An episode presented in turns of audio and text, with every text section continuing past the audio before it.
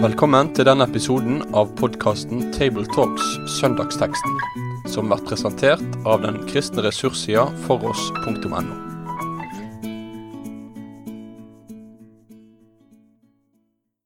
Ja, Da ønsker oss eh, velkommen til en ny episode i Tabletalks.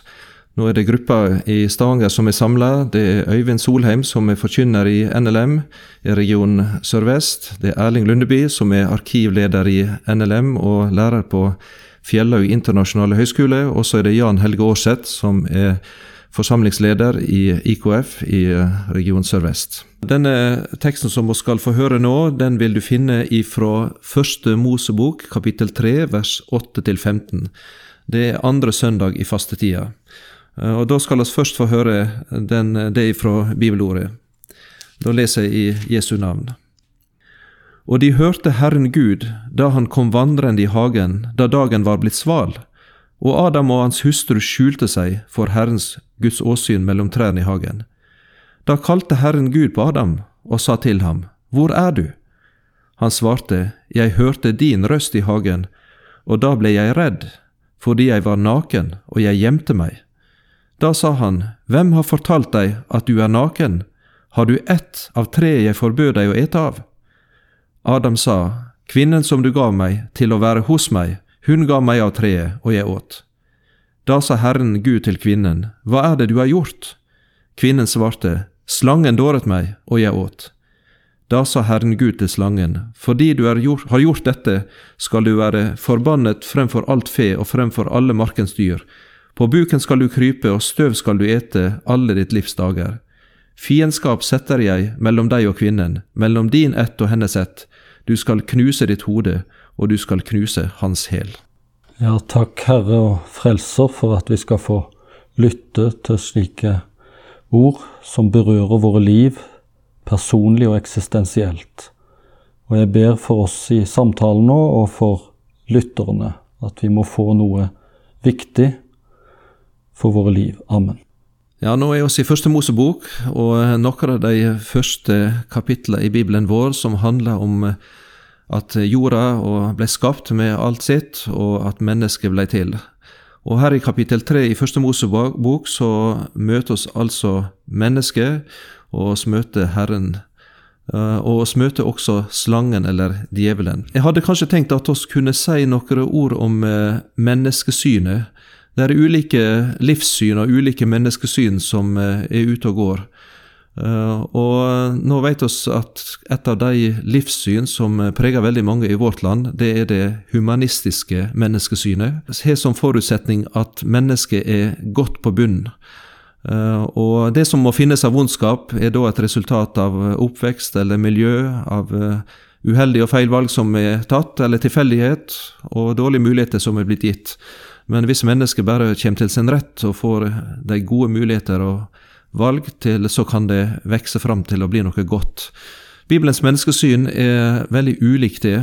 Det sier at oss er skapt av Gud og i Guds bilde, fra 1. Mosebok 1,27, men samtidig så sier Bibelen at mennesket er en fallen skapning og har fått kilden til det vonde i seg sjøl og i sitt eget hjerte. Eh, der de ikke har mulighet til å fri seg og frelse seg fra det vonde, uten ei frelsende hand. Og her er oss inne i begynnelsen på denne lange fortellinga som Bibelen gir oss, om denne frelsende hånda som Gud forberedte oss. Et realistisk bibelsyn, kan, et menneskesyn, kan en vel si at uh, Bibelen gir oss. Et realistisk syn på hva mennesket er, uh, når vi ser omkring oss, og hva mennesket er i forhold til Gud sin skaper. Nå møter oss altså i denne fortellinga Adam og Eva, og oss møtte Herren. Eh, bak oss, og i denne tidligere i eh, skapelsesberetninga, så har vi møtt Gud og mennesket som bestevenner. Som de, som eh, elsker hverandre og virkelig holdt av hverandre. Men her er bildet i kapittel tre veldig annerledes. Hva er det egentlig som er skjedd, med tanke på det? Det er jo noe som er gått til stykker. Det er jo noe sterkt å lese om på en måte hvordan de kapitlene før er skildra så vakkert hvordan Gud har bygd opp en hage rundt menneskene. og, og, og, og det virker til å være en fortrolighet og et tillitsforhold mellom skaperen og skapningen, mellom Gud og Adam og Eva. Og, det kan nesten se ut som hver kveld så kommer Gud vandrende i hagen, og at det er et, et tillitsforhold. Men så ser vi jo i det vi nettopp leste, at her er det noe som er skjedd. Tilliten er brutt. De har gjemt seg, de er redde for han som de før var trygge på og glad i og ventet på hver kveld. Eh, og så vet jeg at eh, loven, Guds gode vilje, slik den blir eh, gitt oss, den har som fundament kjærligheten. At vi skal elske Herren vår Gud av hele vårt hjerte og hele vår sjel og all vår kraft og all vår forstand, og nesten vår som oss sjøl. Eh, og nå ser oss her i dette skaperverket som Gud gir, dette mennesket som Gud skapte i sitt bilde og i sin lignelse, så er det ikke en, eh, en robot eller en marionett eller en maskin som man på en måte styrer som man vil, men det er et eh, selvstendig vesen som har evnen til å elske og ære og til å velge. Og det er vel det som ligger bak kjærligheten, slik en må tenke den, at den er frivillig.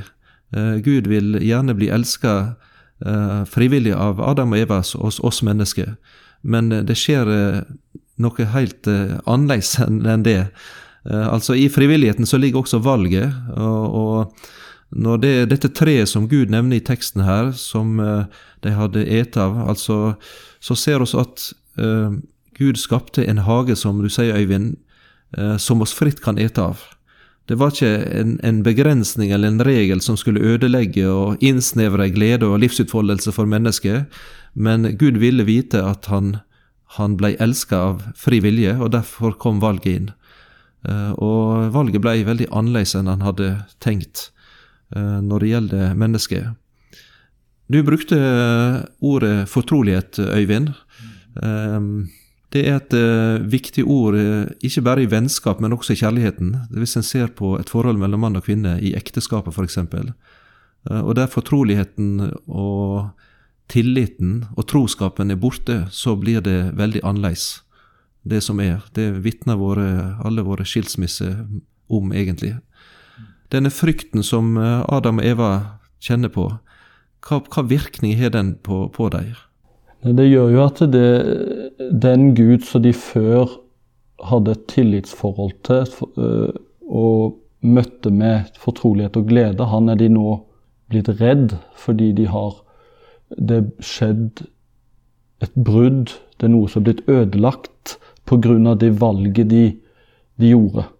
Og mellom dette så er jo det som skjer mellom slangen og Adam og Eva, øh, selve fallet selve fristelsen, hvor slangen klarer å snu egentlig tingene på hodet for Adam og Eva. At den Gud som hadde gitt dem så mye De kunne fritt ete alle trærne i hagen. Men det var ett tre som var holdt for Gud, som Gud ville ha for seg. Mens djevelen snur det, og så sier han har Gud virkelig sagt at dere ikke kan spise av noe Ikke skal spise av noe tre i hagen. Han snur på det som Gud sa, til å gi inntrykk av at Gud er gjerrig og smålig. At dere skal ikke spise av det treet. Og så snur han det til Har Gud virkelig sagt at dere kan ikke spise av trærne i hagen? Og så må kvinnen korrigere. Nei, det var, det var, det var ett. Men selv hun er ikke presis. Hun sier at, at, at, at vi, vi, vi, kunne ikke spise og ikke berøre treet. Men det sto ingenting om berøring. Djevelen snur fra bildet hos eh, Eva og Adam, hvor de er tillit til Gud som god, til at de begynner, det sås en tvil om hans godhet. Fra det bildet de har av den rause Gud, til at han er smålig og holder noe for seg sjøl. Så bak eh, Adam og Evas fall så ligger der ei forhistorie. Eh, som du nevner, det er dette å så tvil om Guds Eh, ord og gode vilje. Ei forfalskning av Guds ord som gjør at det blir en vrangforestilling og ikke det rette. Der er i tillegg løgn inne i bildet. Han sier det kommer slett ikke til å dø i det hele tatt. Dere klarer dere, det går bra. Og så har en i tillegg dette ønsket om å bli stor og bli, bli mektig og i seg sjøl. Dere skal bli som Gud, sier djevelen til mennesket. Og så skjer dette, dette at mennesket lar seg lure og lokke forført til fall, eh, med en slik tragisk utfall som, som en oss sjøl smaker konsekvensen av egentlig daglig, alle oss. Så kommer altså Gud inn på banen. Og Erling, du var inne på dette at han var på en måte på pletten eh, nokså med en gang. I forbindelse med denne samtalen vår her, så leste jeg litt i, hos Rosenius. Og han eh, gjør eh, med rette oppmerksom på at det her opptrer på sett og vis Gud på samme måte som far gjør i lignelsen om den fortapte sønn. For han oppsøker mennesket umiddelbart og, og, og vil eh, reparere det som har gått i stykker. Eh, så først kan jeg si noe om Gud der, og så om mennesket. At Gud er den som tar initiativ. Og, og, og, eh, samme ettermiddag som det har skjedd, så er han der for å forkynne de, det vi kan kalle evangeliet, med et litt stort ord. Men fram til da så kjente de bare lovens ord eh, i, i, budet. Og i det ser Rosenius, og det tror jeg vi kan ta til oss, at Gud her allerede fra dag én av er den som oppsøker og vil eh, reparere og vil gjenopprette det forholdet som nå er så tragisk brutt. Så kan du se på, fra Adam og Evas side så eh, er det jo en ynkelig måte å forholde seg til det på. De, de skylder på hverandre, og de skylder på Gud i, i siste instans, og på djevelen. Alle andre enn seg sjøl. De aksepterer ikke noe, og tar ikke noe ansvar for det de har gjort. Og slik sier Rosenius, sånn er det med det mennesket som ikke kjenner eh, evangeliet og nåden. Det klarer ikke å angre rett. Men når dere får eh, se det og ta det inn over seg, så er det også at en er i stand til å erkjenne synd. Det er når Gud har på en måte kommet eh, innafor en eh, på en ny måte, at en eh, blir bøyd ned. Og vi snakka om i en tidligere podkast om den samaritanske kvinne som også øh, var veldig nervøs på hva Jesus snakka om. Men når han kom, går inn på henne og opplever at han vil henne vel, øh, og han vet alt om hennes ekteskapelige nederlag, forsøk kanskje, og nederlag, så blir tonen en helt annen enn hos henne. Og så går hun hjem til landsbyen. Ikke lenger som eh, som eh, har alskens anklagende ord til andre. Jeg har møtt en mann som har sagt meg alt jeg har gjort. Det er et, et menneske som har opplevd synserkjennelse. Det er det, samme eh, en, kan, en, kan, se her. Hvor Gud oppsøker for om mulig å møte mennesker med evangeliet. Som vi da får inn i slutten av teksten, i protoevangeliet, som vi kaller det. Så her er altså Gud som er initiativet. Det er Gud som er på banen. Eh, og han eh, møter mennesker som har skjult seg for Gud Herrens åsyn. Altså som er redd, og som er full av skam, som er full av skyld, eh, og som er naken. Hvor er du? Det var det som Gud spurte. Det er et annet moment som jeg syns var veldig talende. Leif Mikkelsen, som var lærer på NLA i mange år, har jo skrevet i bibelkommentaren i bibelverket til Første Mosebok.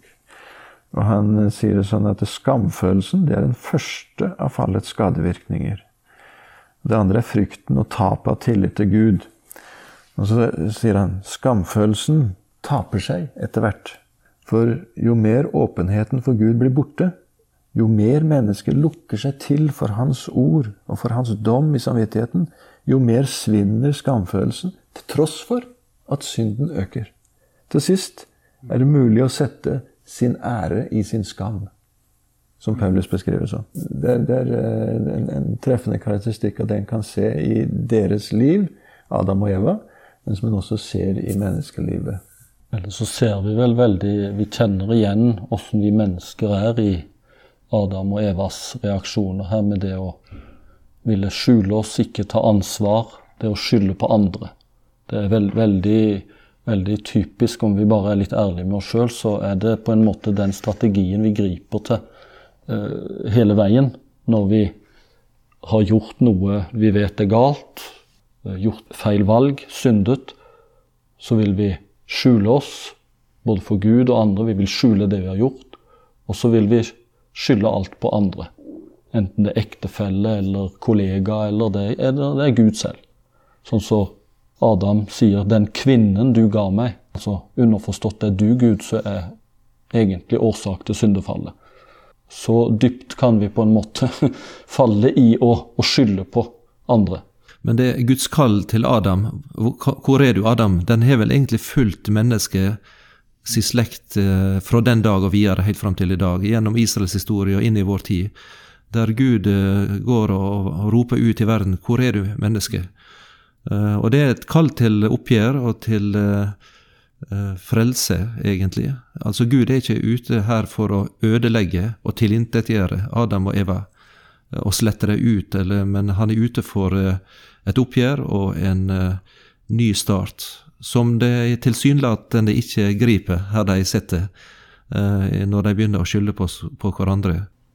Denne slangen som oss uh, møter her, kanskje vi må si et ord om den, for uh, i den uh, sekulære norske tanke så er ikke slangen så veldig framtredende. Den blir brukt kanskje i banneord, og den er, den er, som en sånn eventyrfigur, men i Bibelens fortelling så er slangen virkelig en åndelig realitet, eh, som er like levende som både Adam og Eva og Gud sjøl. Eh, og han er veldig virksom i denne eh, fortellinga og disse versene som vi lever her. Denne slangens strategi som du var inne på i stad, Øyvind, hva, hva, kan en si om, om, djevelens virksomhet og denne fristeren som er den? Hva, hva er den verden vi lever i? Det som kjennetegner fristeren eller djevelen eller Satan. Han har jo mange, mange, navn. Slangen, det er jo både listigheten, men også det at han er ute etter hele tiden å ødelegge. Jeg tror noe av det grunnleggende annerledes i forhold til Gud, det er at djevelen og slangen kan aldri skape noe positivt. Han kan aldri egentlig lage noe, skape noe. Han kan bare ødelegge. Han kan bare bryte i stykker, skape splid, uro, eh, løgn.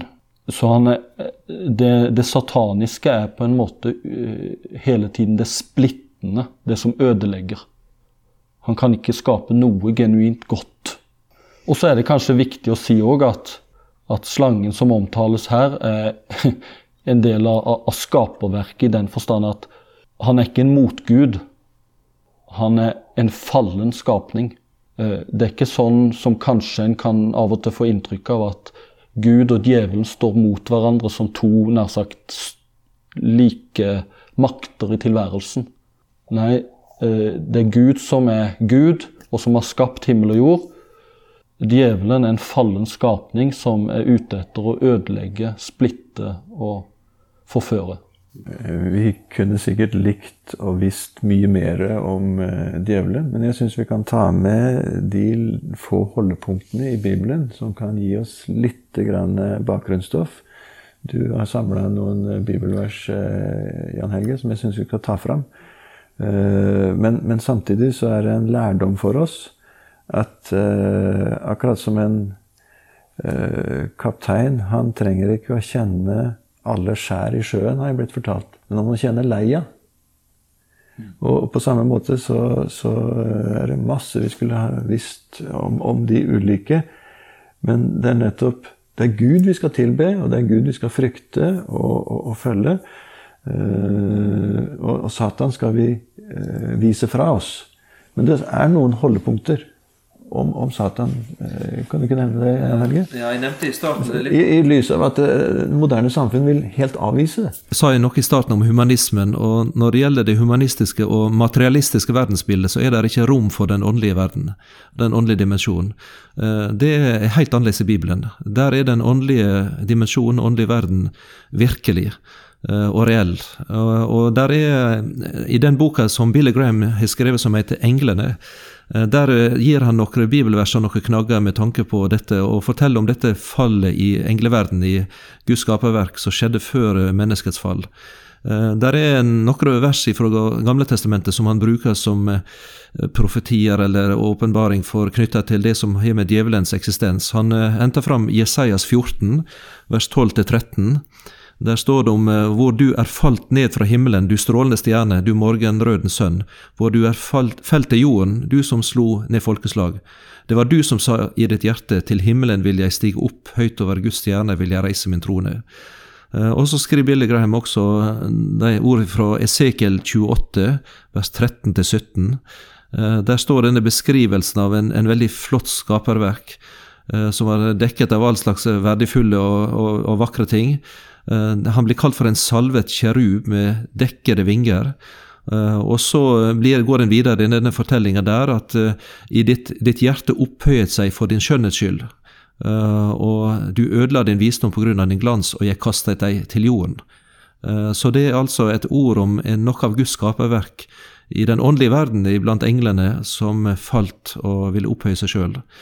Uh, Åpenbaringa 12,9 har også et vers om dette. Der blir han kalt for den store dragen. Han ble kastet ned, den gamle slange, han som kalles djevelen og Satan. Han som forfører verden, han ble kastet til jorden, hans engler ble kastet ned med han. Så det er en eh, åndelig virkelighet som Bibelen sier at oss som mennesker lever i. Eh, ikke for å skape en slags eh, på en måte en angstunivers der en skal leve, men for å skjønne den kamp som vi står i som mennesker. Og samtidig så stiger der fram den ene som vi finner her i bibelteksten vår, som møter og konfronterer denne slangen og denne eh, vondskap, personlige vondskap som er ute etter å ødelegge Guds skaperverk, og seirer over han. Og Det er på en måte de bibelordet vårt slutter med, den teksten slutter med. Det er denne seieren og dette veldig sterke håpet som Bibelen gir oss, om, om vondskapens ende og djevelens slutt. Der det er en som står fram, og han er da uh, Messias, Kristus, Eh, og da får oss dette ordet som handler om en som skal komme fra kvinnens ett, fra kvinnes, menneskets slekt, som skal knuse denne vonde djevelens makt og hode, altså ta, gjøre slutt på hans velde. Og Det møter oss i, i det som blir kalt for protoevangeliet. Uh, og det er da Messias Kristus. Det er jo litt eh, Jeg syns jo det er litt sånn sterkt og fascinerende på en måte at det som er domsord over slangen, eh, veldig sterke domsord. Det er samtidig den strimen av lys, av håp, som samtidig eh, gir et framtidshåp for menneskeheten. For, for, for eh, enden på denne fortellingen i, i Første Mosebok tre er jo at Adam og Eva drives ut av hagen. Paradiset er stengt. En blir utenfor. Og forbannelsene, altså at det blir krevende og vanskelig å leve på jorden. Men så skal det altså komme eh, en dag hvor, hvor, eh, hvor Jesus er den som skal komme og knuse slangens hode. Men han skal selv bli rammet i hælen. Altså, han må dø på korset. Og der åpner det seg igjen en mulighet for fortrolighet med Gud igjen. Når vi snakker om eh, Satans realitet og hvordan han virker i menneskers liv, ikke bare i Adam og Eva, men også i våre liv eh, Hvis vi går, går, litt videre på det, en ressurs til det er jo C.S. Lewis sin lille bok 'Djevelen dypper pennen'. Hvis eh, våre kjære opplyste lyttere ikke har lest den ennå, så bør de ta den for seg. Det er en humoristisk litt krevende eh, litterær fremstilling av dette. Hvor han da ser verden ifra den ondes perspektiv.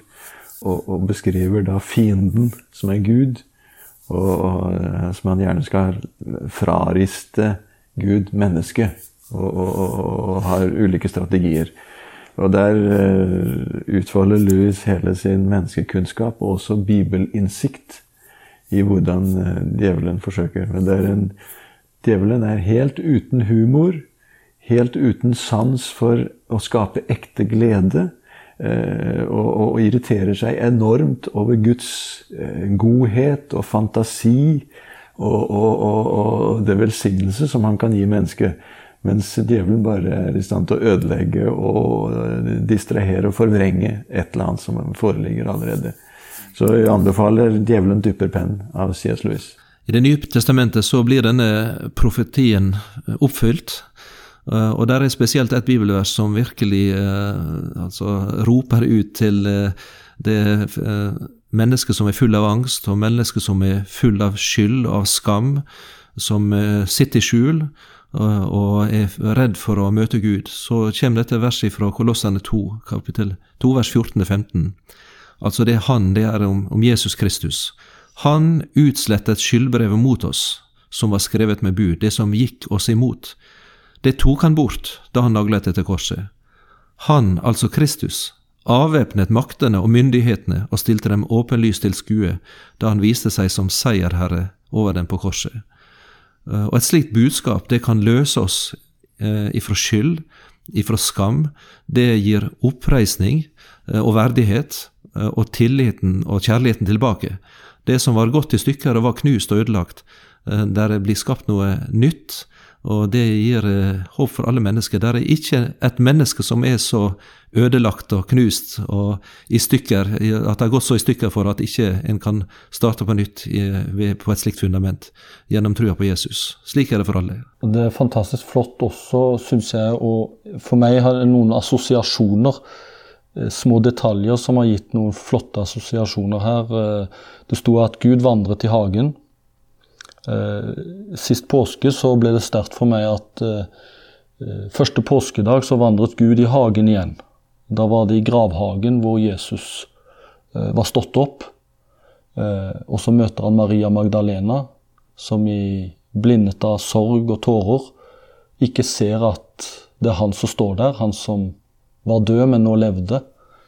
Og så snakker han mildt til, til, til Maria. Assosiasjonen til Gud som vandret i hagen i første Mosebok 3 blir ekstra sterk når en tenker på at det står skildra at når Jesus døde på korset, så revna forhenget i tempelet. Altså da åpna veien inn til det aller helligste. Og slik jeg har forstått det, så var nettopp forhenget Da var det avtegna kirubene, disse som som det står her i første Mosebok på slutten, at de sto som voktere utenfor Edens hage. Stengte veien inn til paradiset. Nå har Jesus åpna opp igjen, inn til det fortrolige, inn til Gud, inn til hans nærhet. Og han vandrer igjen i hagen. Kjære Jesus, vi takker deg for at uh, vi skal få lese denne teksten, og vi sørger og undrer oss over hvordan uh, fallet kunne uh, gjøre om og skiple en sånn en grunnleggende god situasjon som paradiset var, til en tragedie som rammer alle mennesker. Og vi aner at her er krefter i sving som er mye større enn vi kan håndtere på egen hånd. Og så gleder vi oss over også hvordan du grep inn fra første stund av. Og eh, sørge for at det kommer en frelse i, i stand. Og det får de også forkynt der. Og så skal, de, skal, vi få lov til å leve i et lys som oppfyllelsen gir oss. Og vi takker deg for Jesu komme, at han er den som har eh, knust slangens hode, ble hogd i, i hælen og led døden for vår skyld, men at eh, vi nå har kan leve i, i, eh, fullt fellesskap med deg igjen. Og du, vi kan i åndelig forstand gå sammen med deg i hagen. Og så ser vi fram til at paradiset skal gjenopprettes når du en gang setter en stopper for denne verden.